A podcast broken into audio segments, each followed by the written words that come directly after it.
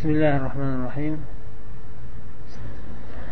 الحمد لله والصلاة والسلام على رسول الله وعلى آله وأصحابه ومن والاه أما بعد bugungi darsimiz odatdagidek sifatu sofva kitobidan davom ettiramiz esinglarda bo'lsa kerak o'tgan darsimizda abu bakr as siddiq roziyallohu anhu hayotlarini o'qish boshlagandik Bugun shuni davom ettiramiz.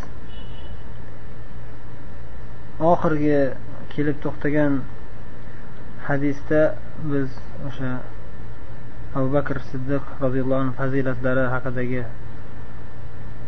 hadislardan rasululloh sollallohu alayhi vasallam vafot qilishlaridan bir necha kun oldin minbarga chiqib bir xutba qilganlar. O'sha xutbaning ma'nosini abu bakr roziyallohu anhu tushunib yig'laganlar boshqa sahobiylar hayron bo'lishgan nima uchun yig'layapti bu kishi deb o'sha xutbada payg'ambar sallallohu alayhi vasallam aytgandilar. Alloh taolo bandalardan birini bu dunyo bilan o'zining huzuridagi narsani o'rtasini tanlash shuni ikkalasidan birini tanlashga buyurdi. Xoh bu dunyoni tanlagin xoh meni oldimga kelishni tanlagin deb ixtiyor berdi bir bandaga dedilar. O'sha banda allohning huzuridagini tanladi dedilar.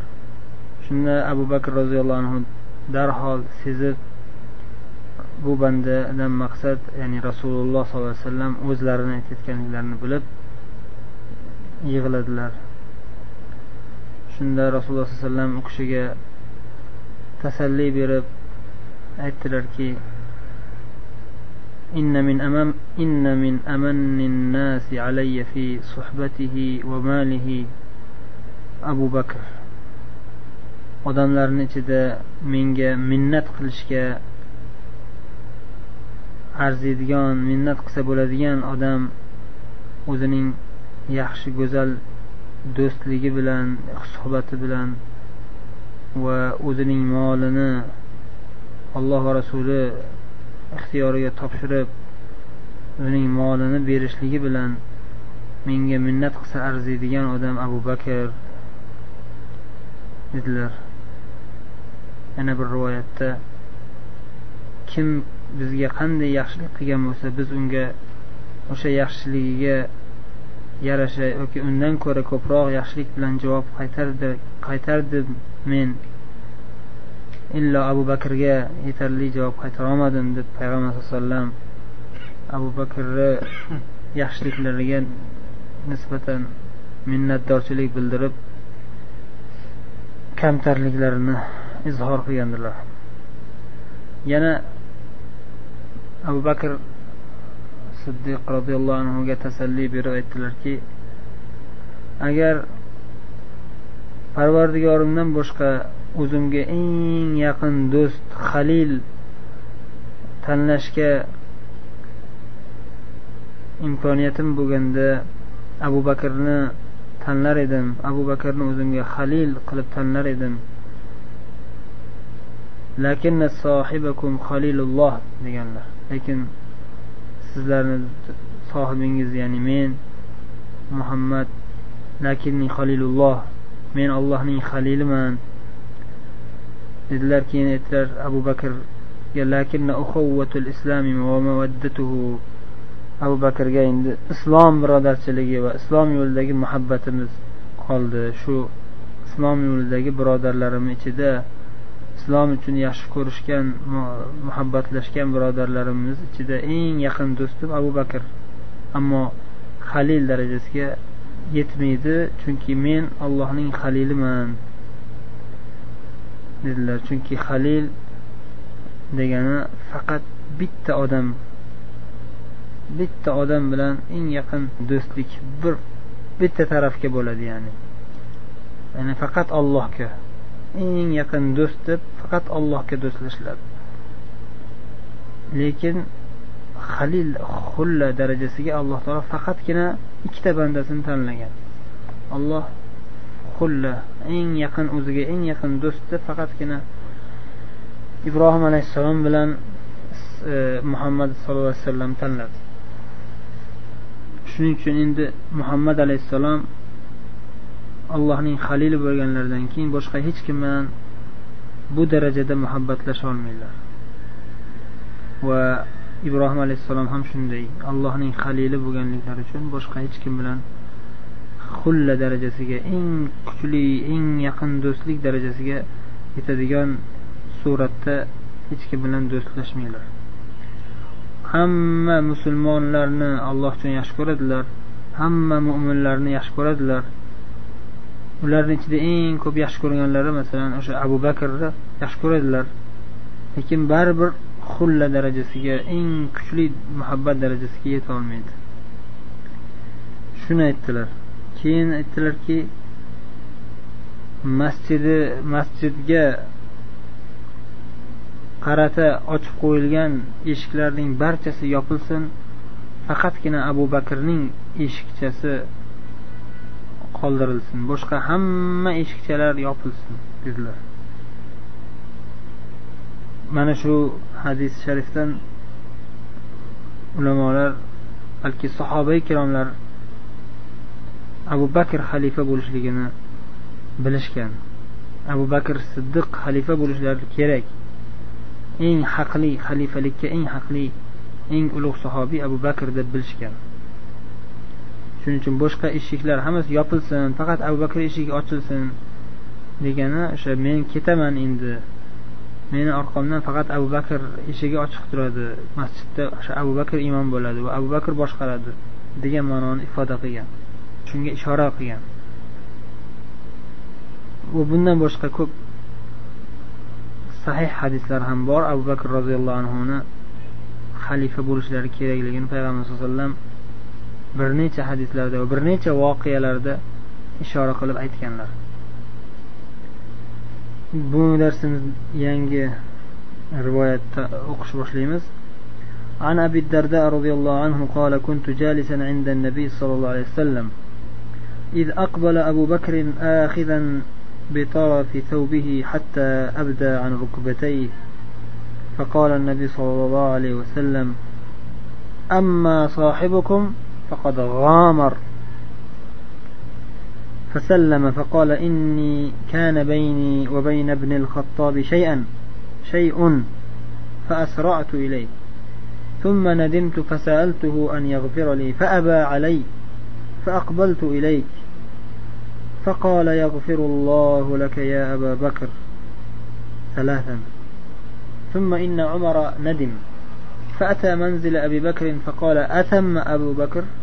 قالوا لا. فأتى إلى النبي صلى الله عليه وسلم فجعل وجه النبي صلى الله عليه وسلم يتمعر حتى أشفق أبو بكر فجثى على ركبتيه فقال يا رسول الله والله أنا كنت أظلم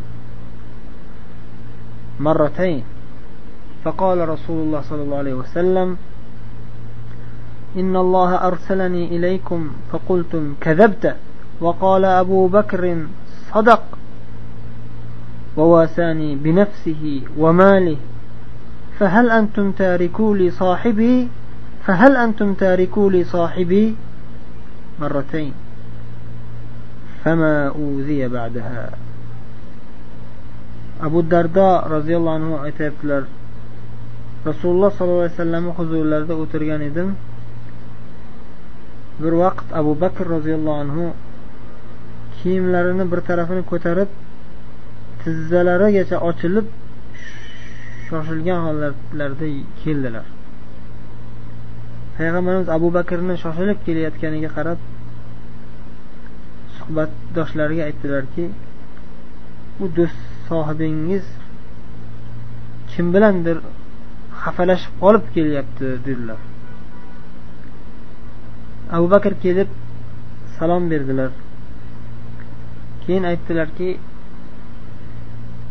men bilan ibn al xattob ya'ni umar ibn xattob oramizda ikkalamiz oramizda bir kelishmovchilik bo'lib qoldi. Men tezlik qilib qattiq gapirib qo'ydim umarga. Keyin qattiq gapirib qo'ygandan keyin afsus chekdim. Va umardan meni kechirgin deb kechiring mani deb so'radim. Shunga umar yo'q kechirmayman deb turib oldilar. Nima qilishimni bilmasdan sizni oldingizga kelyapman deb shoshilib kelyapman. Bir umardek yaxshi bir insonni xafa qilib qo'yib kelyapman deb aytdilar. Shunda payg'ambarimiz sollallohu alayhi vasallam abu bakrga aytdilarki uch marta olloh sizni o'z mag'firatiga olsin ey abu bakr. Olloh sizni o'zi kechirsin ey abu bakr. Olloh sizni o'zi kechirsin ey abu bakr deb uch marta aytdilar. Oradan oz vaqt o'tgandan keyin umar roziyallohu anhu o'zlari ham o'sha kechiring mana deganlarida kechirmaganliklariga afsus chekdilar. Umar afsus chekdilar. Abu bakrni uylariga keldilar. So'radilar abu bakr bormi bu yerda? dedilar abu bakrni oilalaridan. Ular yo'q deyishdi. Keyin to'g'ri payg'ambarimiz sollallohu alayhi vasallam oldilariga keldilar keyin umar roziyallohu anhu. Qarasalar payg'ambarimiz sollallohu alayhi vasallamni yuzlari qizarib g'azablari kelib kelib turgan abu bakrni xafa qilinganiga payg'ambarimiz g'azablari chiqib yuzlari qizarib ketib turgan ekan. Hatto bu holatni ko'rgan abu bakr payg'ambarimiz umarga hozir bir narsa qilib umarni qattiq xafa qiladilar deb qo'rqib ketdilar. Tizzalari bilan cho'kib rasulullohni oldilarida ey rasululloh qasam allohga men zolimroq bo'ldim. Men mendan xato o'tdi. Men ko'proq xato qilganman umarga. Umarda emas ayb. Menda ayb deb turib ikki marta takror takror qildilar. Shunda rasululloh sollallohu alayhi vasallam aytdilarki umarga qarab va umarni orqasidan abu bakrga ozor berish ehtimoli bo'lgan barcha odamlarga qarab aytdilar. Alloh taolo meni payg'ambar qilib yubordi. Hammalaringiz san yolg'on gapiryapsan dedingiz abu bakr esa to'g'ri aytyapsiz sodiqsiz siz deb aytdi. O'z joni bilan va o'zining moli mulki bilan menga muvasot ya'ni menga hamdardlik bildirib yonimda turdi. Ya'ni sizlar hammalaringiz kofir bo'lgan paytlaringiz bitta abu bakr musulmon bo'lib taraddudga tushmasdan darhol iymon keltirib meni tasdiqlagan.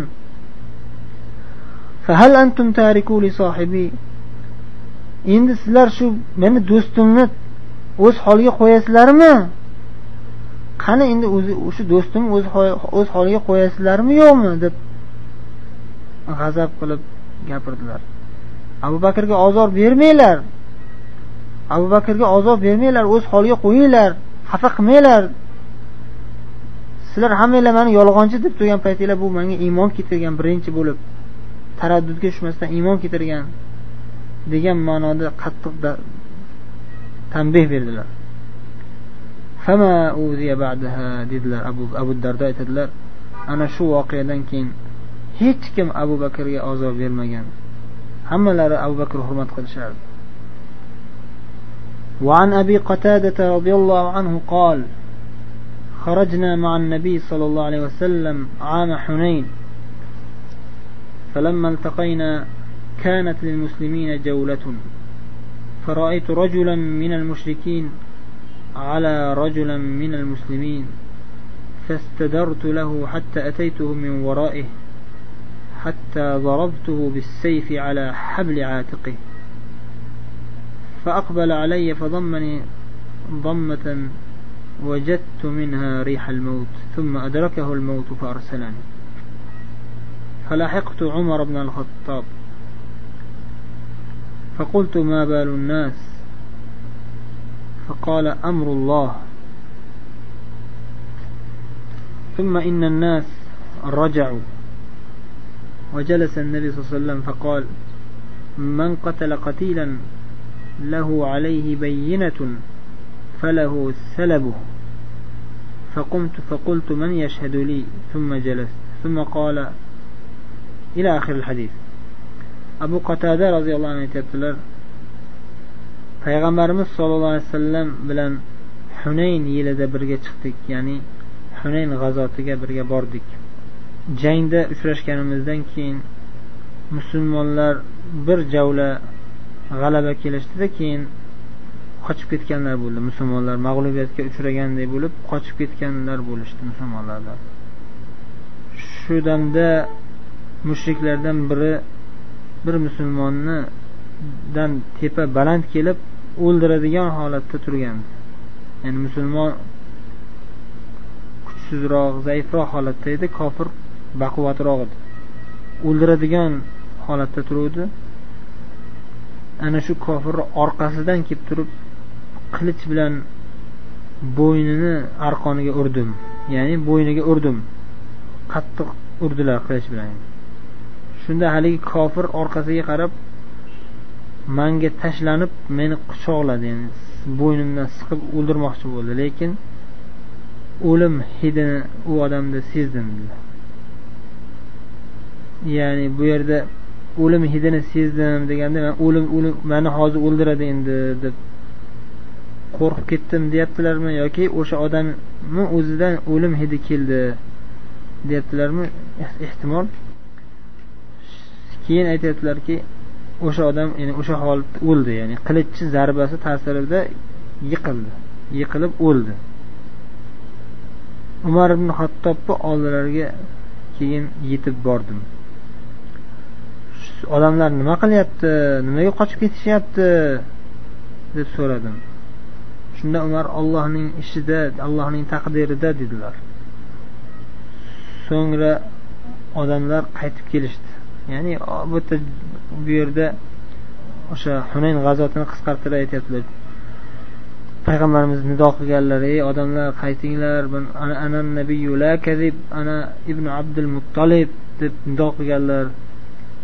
Qochib ketganlar keyin qaytib kelishgan. Keyin odam payg'ambar sallallohu alayhi vasallam g'azot tugagandan keyin o'tirib g'animalarni taqsimlashga boshladilar. Ya'ni kofirlardan olingan g'animalar. Shunda aytdilarki payg'ambarimiz e'lon qildilar. Kimki kofirlardan bir odam o'ldirgan bo'lsa o'sha odamni o'ldirganiga hujjati bo'lsa hujjati ya'ni guvoh boshqa bir odam guvohlik bersa bas biz ana shu odamga o'sha o'ldirilgan kofirning salabini beramiz. Salabi ya'ni o'sha kofir ustidagi bo'lgan kiyim kiyimi va qurol yarog'lari kirib ketadi. O'shani o'sha o'ldirgan odamga beramiz deyiladi. O'ldirgan odam oladi. Kim bir kofir o'ldirsa jihodda o'sha kofirdan qolgan o'sha ustidagi kiyimini qurol yarog'ini o'sha olishga haqliroq. Shunda men turdimda kim menga guvohlik beradi dedim. Ya'ni men o'sha kofirni o'ldirgandim. Haligi aytdilar ko'pda kofir o'ldirganlar keyin o'tirdim dedilar. Hech kim guvohlik berishga turmagandan keyin. Yana uchinchi marta aytdim. Kim menga guvohlik beradi? Man palonchini o'ldirdim dedilar. Uchinchi marta aytganlaridan keyin odamlardan o'sha yerda o'tirgan odamlardan biri sahobiylardan birlari turib aytdiki sadaqa yo rasululloh to'g'ri aytdi ey rasululloh. O'sha kofir o'ldirilgan kofirning salabi menda. Ya'ni o'sha kofir ustidagi kiyimiyu qurol yarog'larni men olgandim dedilar. Anni. Shu men birinchi oldim endi o'ldirilgan u kishi o'ldirdiku lekin men oldim o'shani u kishi tashlab ketganda man oldim shu kishini endi rozi qilib qo'ying faqola abu bakr siddiq shunda abu bakr siddiq aralashib o'rtaga kirib aytdilarki la alloh إذا لا يعمد إلى أسد من أسد الله يقاتل عن الله ورسوله يعطيك سلبه yo'q aslo olloh guvoh Rasululloh sollallohu alayhi vasallam ollohning sherlaridan biri bo'lgan sher abu qatoda ya'ni ollohning sherlaridan biri bo'lgan bir sherni bu sher olloh va rasulini himoyasi uchun jang qilgan sher. U o'ldirsayu u o'ldirgan narsani salabini senga berolami dedi. Ya'ni qanday qilib? U u olloh yo'lida jihod qilib o'sha kofirni o'ldirdi. Bu allohning she'rlaridan biri bo'lsa mashhur baquvvat sahobiylardan shijoatli sahobiylardan bo'lganlar abu qatada. Qanday qilib endi buni bunga bermaymiz bunga shuncha jihod qilganiga o'z haqqini bermaymiz? Yoki haqqini emas o'sha g'animatini bermaymiz. U haqliroqku deb aralashdilar. Shunda payg'ambar sallallohu alayhi vasallam abu bakrni tasdiqlab sadaqa faatihi abu bakr to'g'ri aytdi bering dedi. Ya'ni haligi muslim haligi sahobiyga aytishdiki abu qatadaga topshiring o'sha. Abu qatada o'ldirganmi o'sha kofirni? Guvohlik berdingizu o'zi? Endi bering topshiring abu qatadaga dedi o'sha dira o'sha kofir ustidagi bo'lgan kofir qalqonni abu qatadaga yubordilar berdilar. Abu qatada aytyaptilar keyin فابتعت به مخرفا في بني سلمة سلمة فإنه لأول مال تأثلته في الإسلام أنا شو الدرع بلان boshqa bir narsa sotib oldim deyaptilar mahrafan hozir nimaligi bilmayapman banu salamadan adashmasam bir hovlimi shunga o'xshagan sotib oldim o'sha dira bilan deraga bir hovli almashgan bo'lsalar kerak keyin aytyaptilarki islomda birinchi bo'lib molga ega bo'lganligim shunda bo'ldi deyaptilar xullas bu yerda o'sha abu bakr roziyallohu anhuni payg'ambar sallallohu alayhi vasallam tasdiqlaganliklari abu bakrni o'sha aytgan gaplari to'g'riligi bu kishiga bir fazilat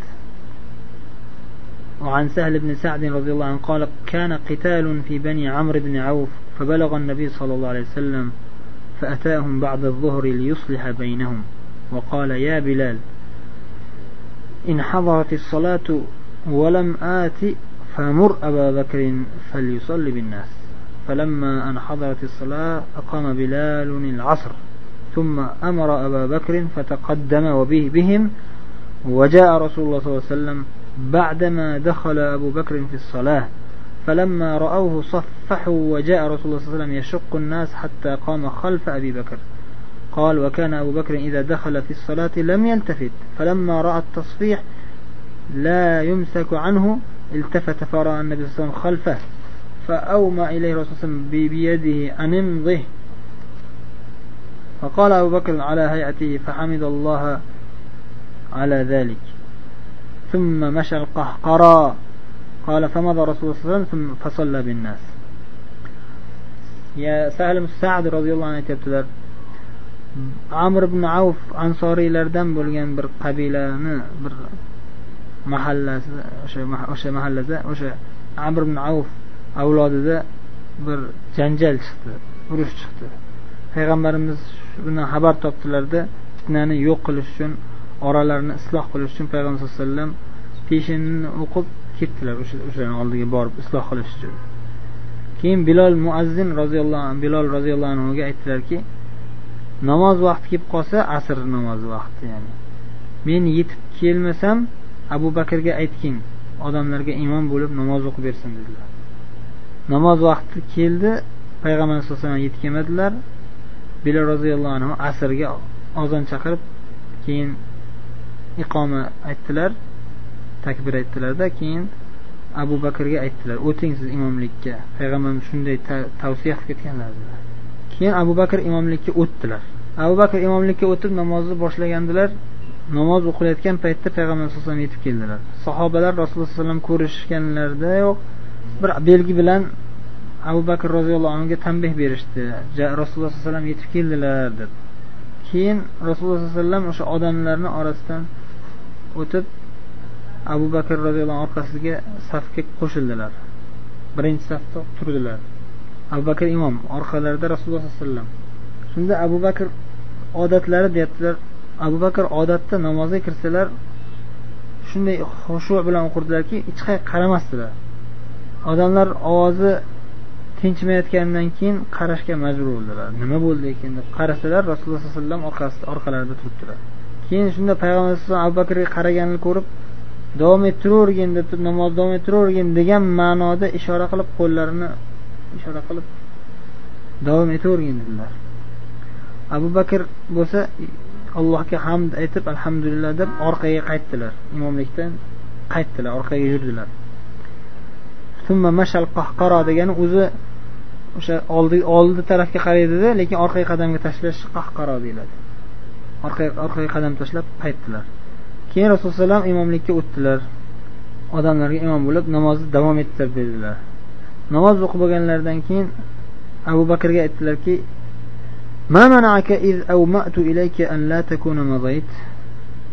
men sizga ishora qilganimda nimaga namozni davom ettiravermadingiz dedilar shunda abu bakr ما كان لم يكن لابن أبي قحافة أن يؤم رسول الله صلى الله عليه وسلم ibn abi quhofaga to'g'ri kelmaydi rasulullohga imom bo'lishligi rasulullohga imom bo'lolmayman man siz rasululloh sizni qanday qilib imomlikka o'taman deb imomlikka o'tishim mumkin emas siz borligingizda imomlikka o'tishim mumkin emas dedilar ya'ni man buni ko'tarolmayman man qo'rqaman dedilar فقال للناس إذا نابكم شيء في صلاتكم فليسبح الرجال ولتصفح النساء odamlar endi haligi tasbeh o'sha tasbeh o'sha chappak cholish bo'lsa kerak chappak cholishganiga chappak cholishganiga mulohaza bildirib aytdilarki agar sizlarda namoz paytida bir narsa bo'lib qolsa shunga tanbeh berish kerak bo'lsa erkaklar tasbeh aytsin subhanalloh subhanalloh desin Imomga tanbeh berish uchun. Ayollar tasbeh e, ayollar chappay cholsin dedilar. Ayollar chappay choladi ya'ni o'sha namozda turganda chap qo'lini tepasiga o'sha o'ng qo'lini urib qo'yadi. O'sha ovoz chiqish ozgina. Demak bu yerda abu bakr roziyallohu anhuni naqadar ham taqvoli ekanliklari va abu bakrga buyurib ketishliklari payg'ambar sallallohu alayhi vasallam abu bakr fazilatlariga da'vat qiladi. Ya'ni men yo'qligimda abu bakr imomlikka o'tsin deyishliklari demak abu bakr eng imomlikka boshliqlikka rahbarlikka eng haqli degani shuning uchun bu yerda zikr qiladilarmi yo'q bilmayman. Umar aytganlar abu bakrga doim buyurardilar o'zlari yo'q bo'lsalar yoki kasal bo'lganlarida abu bakr imomlikka o'tsin deb buyurardilar doim payg'ambarimiz. Abu bakrni shu din ishlarimizda bizga boshliq bo'lishiga xotirjam bo'lgan payg'ambarimiz sallallohu alayhi vasallam biz dunyoviy ishlarda abu bakrga endi ishonmaymizmi? Qanday qilib? Din ishlarida payg'ambardek zot abu bakrga ishondilar endi dunyo ishi pastku pastku past narsada ishonmaymizmi? Bundan ko'ra kattaroq bundan ko'ra muhimroq narsaga omonatini topshirilganda dunyo ishini omonatini topshirmaymizmi abu bakrga? Deb turib shuni hujjat qilganlar umar roziyallohu anhu. Va bu hujjatlarni hamma sahobiylar qo'llab quvvatlab qabul qilishib hammalari abu bakrga bayat berishgan.